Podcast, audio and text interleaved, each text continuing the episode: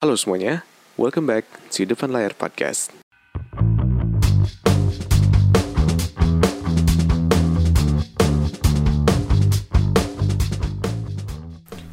Halo semuanya, apa kabar kalian semua? Uh, balik lagi di podcast Depan Layar hari ini ya. Uh, gue doain semoga semuanya baik-baik aja, semoga semuanya sehat-sehat aja. Dan untuk kalian, terima kasih yang udah dengerin podcast gue hari ini dan yang udah dengerin dari lama juga kalau misalkan kalian mau dengerin podcast gue yang sebelumnya ada di Anchor, Apple Podcast, Spotify, dan YouTube. Dan gue terima kasih buat kalian yang udah nge-share podcast gue dan segalanya lah yang udah nge-komen juga, udah nge-kontak gue lewat mana pun. Gue terima kasih buat kalian semua. Apa kabar kalian? Dan hari ini kita balik lagi di podcast depan layar. Uh, kemarin kan gue udah bikin podcast yang gue collab sama temen gue itu. Dan hari ini gue bakal balik ngomongin sesuatu hal lagi yang mungkin ini bakal sangat bisa dibilang agak apa ya mungkin ada banyak yang nggak setuju dengan apa yang gue ngomongin hari ini. Tapi ya mungkin ya gimana ya podcast ini kan gue emang pengen apa ya sharing dari peng dari pandangan gue juga gitu. Dan uh, di hari ini tuh gue bakal ngomongin sesuatu mengenai hmm, apa ya mungkin bisa dibilang gue pengen mematahkan sebuah stigma atau stereotip di dalam gender yaitu kayak misalkan kayak misalkan lu lihat dari uh, judulnya ya, kayak misalkan cowok tuh harus gini atau nggak cewek harus gitu. Nah gue tuh pengen bikin sebuah podcast yang di mana gue mau ngomongin bahwa uh, stigma itu tuh pengen gue rubah gitu. Bahwa stigma atau stereotip kayak uh, cowok tuh harus gini cowok cewek tuh harus gitu gue pengen merubah gue pengen mematahkannya gitu.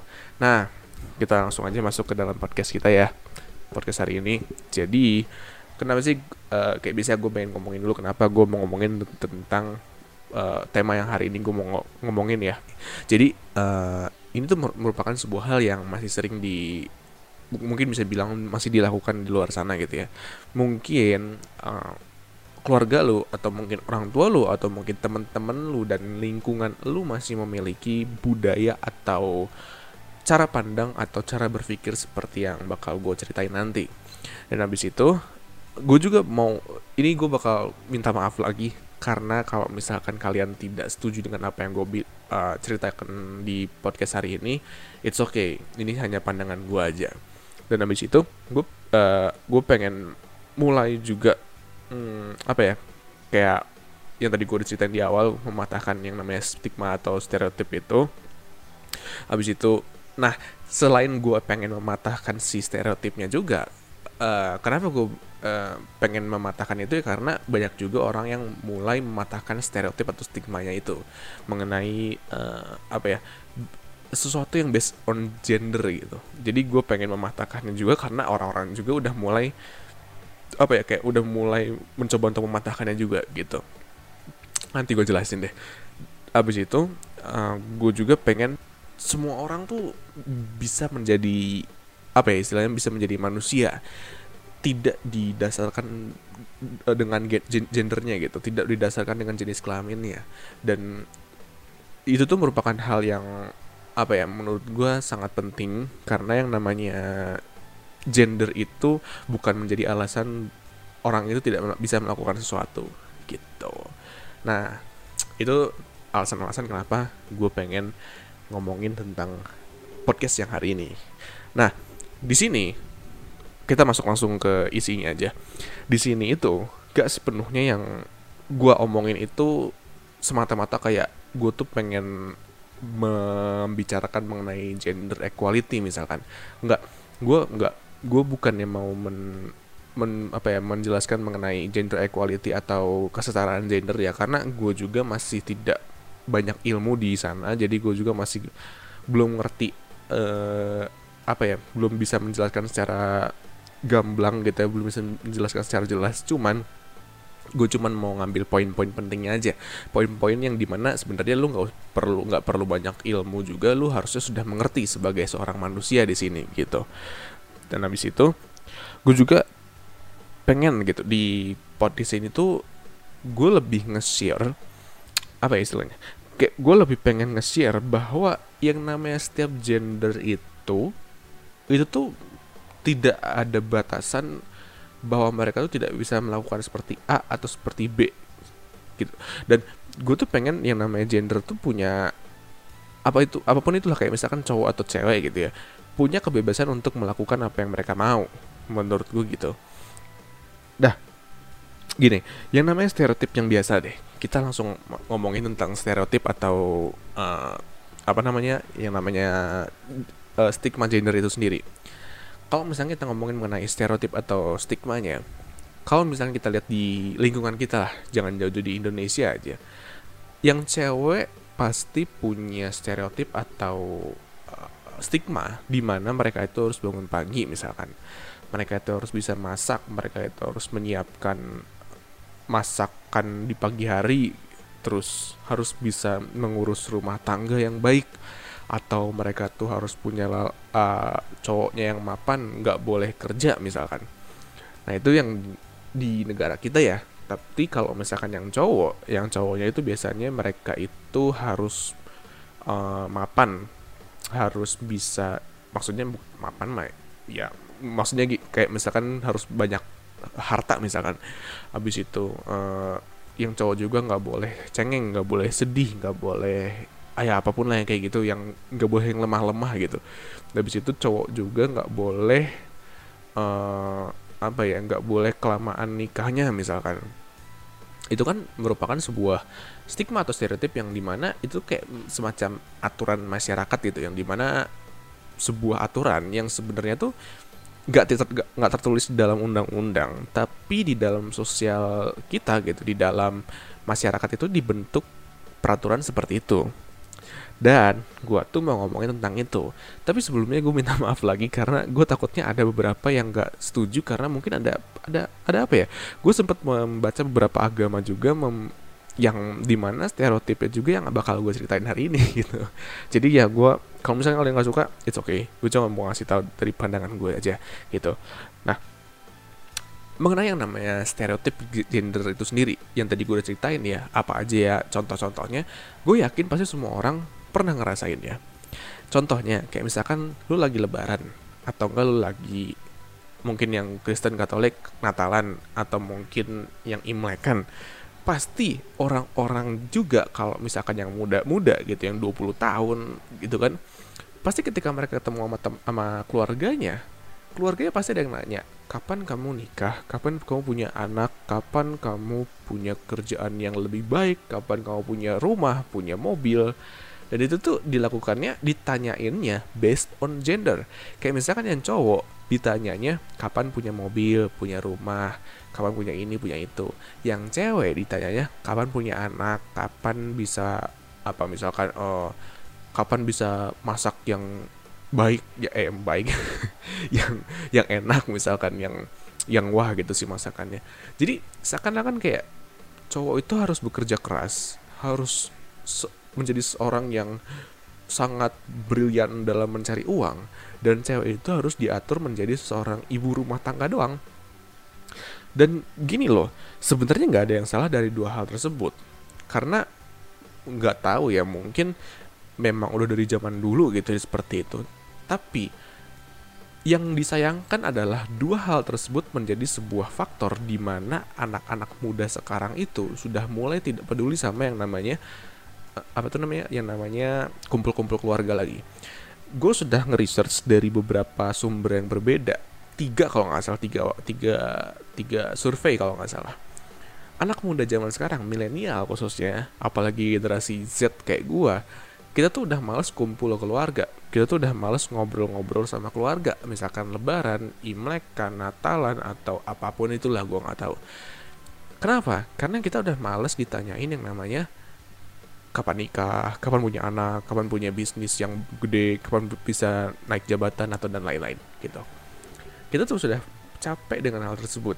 Karena apa? Karena hal tersebut tuh menjadikan kita tuh menjadi sebuah beban, menjadi sebuah hal yang oh iya ya, kalau misalkan gue belum punya ini, gue jadi gue merasa jadi anak yang payah nih, gue merasa jadi anak yang gagal nih gitu.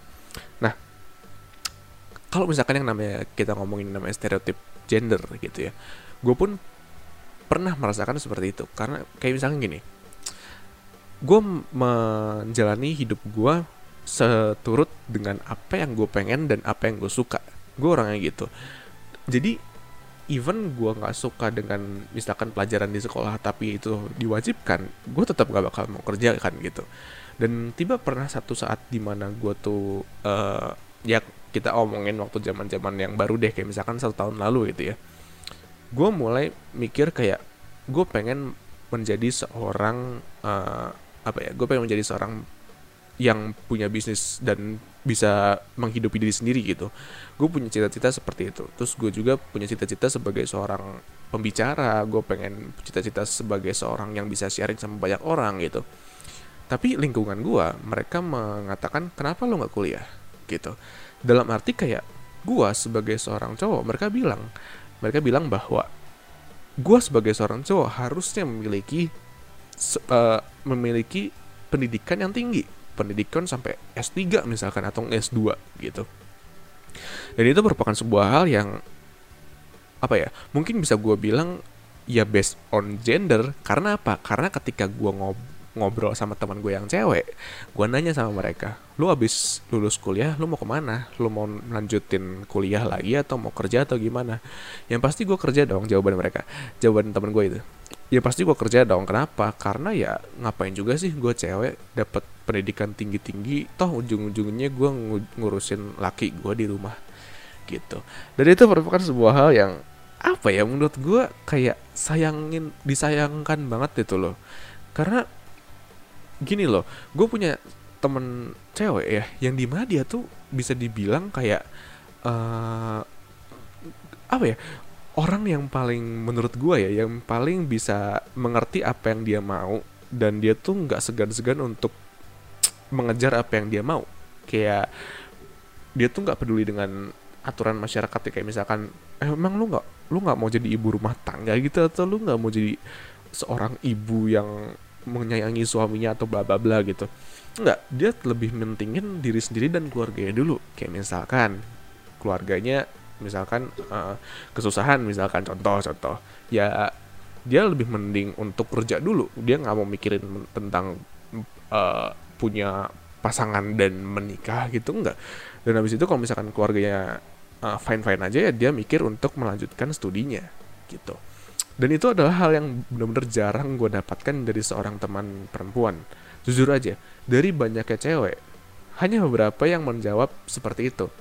Seakan-akan kayak cewek itu tidak diperbolehkan memiliki mimpi yang besar, tidak diperbolehkan memiliki tujuan yang besar, dan tidak diperbolehkan untuk memiliki tujuan yang berbeda dari cewek-cewek yang uh, di pada umumnya gitu.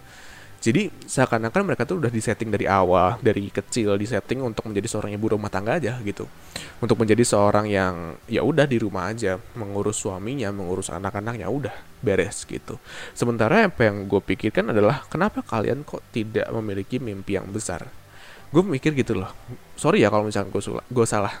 Cuman gue nggak pernah mikir bahwa cewek itu harus di rumah loh. Gue nggak pernah mikir bahwa cewek itu harus harus harus apa ya harus bener-bener di rumah doang.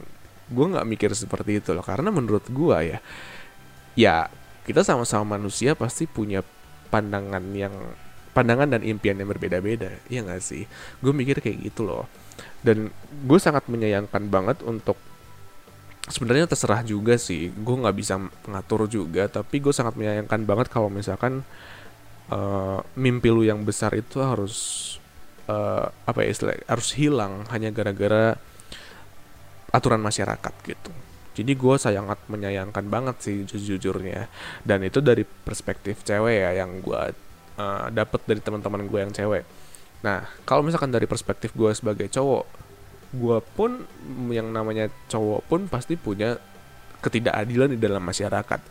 Ini nggak cuma semata-mata kalau misalkan lu mikir nggak gue bukan seorang feminis yang benar-benar akan menaikkan derajat perempuan gitu bukan.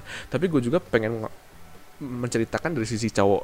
Kalau yang namanya cowok lu tau lah kalau misalnya namanya cowok itu adalah gender yang harus kuat gender yang harus apa ya gender yang harus benar-benar memiliki jiwa yang tidak cengeng jiwa yang tidak boleh menangis dan harus tidak boleh menyerah gitu. Dan itu merupakan sebuah hal yang menurut gue ada dampak apa ya bukan maksudnya kayak ada ada ada apa ya ada ada keburukannya lah gitu. Ada sisi negatifnya dari uh, apa dari peraturan tersebut. Yang di mana kalau misalkan lu bilang cowok itu tidak boleh menangis tidak boleh cengeng tidak boleh sedih dan lain-lain berarti lu sama aja mengatur yang namanya cowok itu untuk tidak meluapkan isi hatinya.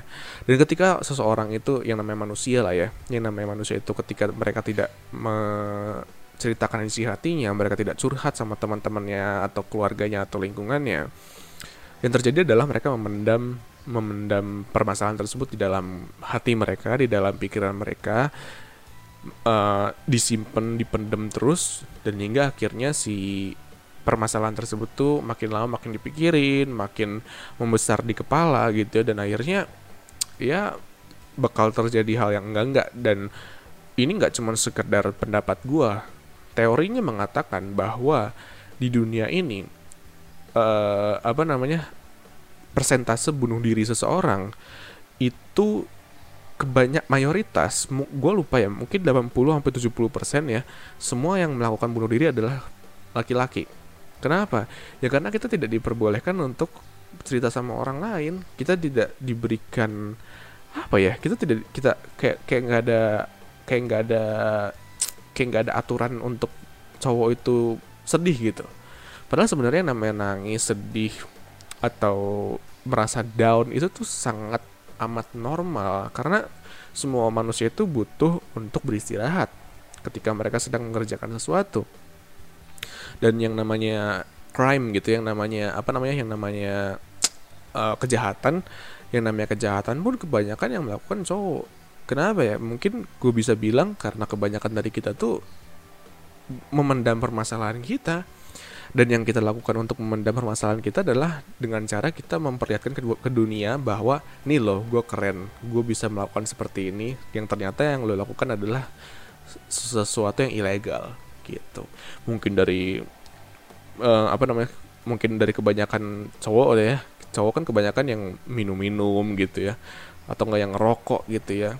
Atau enggak yang apa kayak yang apa namanya yang ngerokok dan meminum-minum kan kebanyakan lu lihat mereka itu wah cowok yang maco nih cowok yang hebat. Tapi gue ngerasa bahwa yang namanya ngerokok atau minum-minum itu adalah sebuah jalur lu untuk keluar dari permasalahan yang lu ada di dunia ini gitu. Jadi itulah kenapa yang cowok-cowok yang minum-minum dan rokok itu kebanyakan ya mungkin lu jadi takut. Kenapa? Kayak ya stigmanya udah jelek di masyarakat. Mereka tuh kayak seakan-akan orang-orang yang rokok udah minum tuh seakan-akan kayak wah penjahat nih. Wah orang-orang yang nggak bener nih. Gitu. Padahal stigma dunia sendiri yang membuat mereka itu menjadi seperti itu. Karena kita tidak boleh diperbolehkan untuk sedih kita tidak diperbolehkan untuk menangis untuk uh, istirahat sebentar dengan kesedihan kita gitu. Memang nggak semua tapi gue yakin majority seperti itu gitu. Dan itu dua, dua pandangan yang gue apa ya gue ceritakan dari sisi cowok dan cewek mengenai generalisasi berdasarkan gender gitu dan apa sih dampaknya mengenai hal tersebut?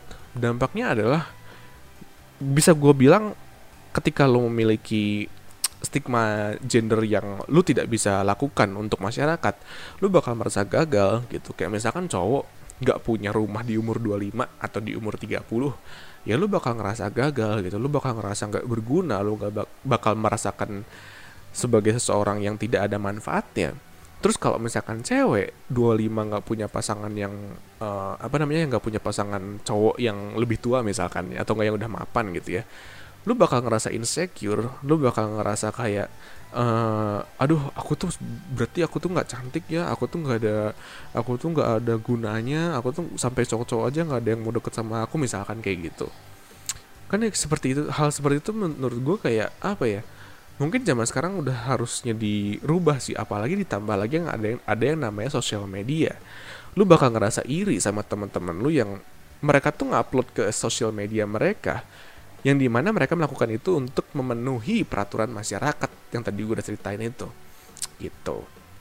Dan itu hanya satu dari sekian banyak dampak yang menurut gue bakal didapatkan ketika lu tidak bisa memenuhi uh, peraturan sosial berdasarkan gender.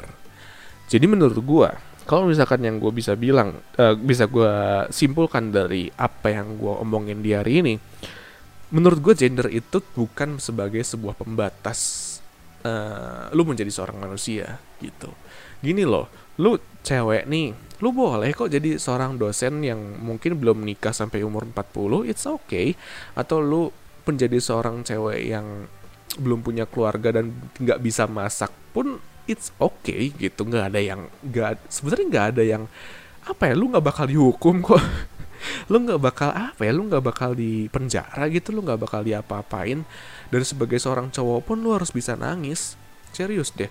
Gue pernah baca uh, eh, gue pernah denger siapa sih namanya? Steven Seagal gitu kalau nggak salah. Dia tuh tau lah aktor ya tau kan. Dia tuh pernah ngomong di filmnya. Gue lupa film apa. Cuman di film itu tuh dia bilang kalau cowok itu harus nangis kalau misalkan enggak lu gak bakal bisa membersihkan jiwa lu. Dan jiwa lu tuh bakal penuh dengan yang namanya anger kemarahan uh, terus apalagi tuh kayak misalkan kebencian dan uh, apa namanya yang namanya apa sih namanya tuh kayak balas dendam gitu. Nah itu kan merupakan sebuah hal yang buruk ya gak sih? Jadi Steven Seagal pun yang badannya sehebat itu ya jago jago bela diri lagi main aktor lagi. Dia pun bilang kalau dia tuh sering nangis. Karena apa ya? Karena nangis itu baik untuk jiwa lo untuk psikologis tuh. Supaya apa? Supaya lu bisa beristirahat sejenak. Lu merasakan capeknya capek yang lu keluarin baru lu lanjutin lagi perjalanan hidup ini gitu. Eh, tapi serius serius. Ini serius deh. Bener-bener penting banget yang namanya untuk cowok nih yang namanya nangis dan segala macam itu penting banget. Nggak cuma cewek kok itu manusia pun harus seperti itu gitu. Dan habis itu yang terakhir saatnya meninggalkan stigma tersebut uh, sedikit demi sedikit. Nggak apa-apa kok menurut gue kayak lu boleh menjadi gue nggak tahu ya mungkin di agama atau di adat kalian kalian harus nikah umur segini dan lain segini segini oke okay, gue nggak mau ngurusin. Tapi untuk kalian yang tidak punya adat seperti itu, tidak punya budaya seperti itu, saatnya untuk be yourself untuk tidak mengikuti peraturan masyarakat seperti itu sendiri. Kalau misalkan itu justru malah me, apa ya malah menyiksa diri lu sendiri. Jadi mending lu menjadi diri lu sendiri.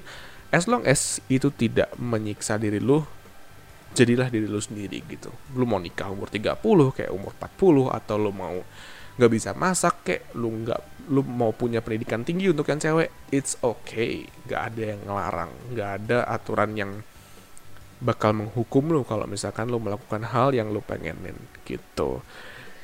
Gitu aja untuk podcast hari ini karena karena apa ya udah sih karena udah bener-bener apa ya udah bener-bener meruncing gitu ya si topik yang gue omongin hari ini. Jadi mungkin Sampai jumpa lagi di podcast selanjutnya. Gue thank you banget buat kalian yang udah dengerin podcast hari ini. Apalagi ya, udah itu aja. Uh, sampai lagi di podcast depan layar selanjutnya. Gue Joshua dan goodbye.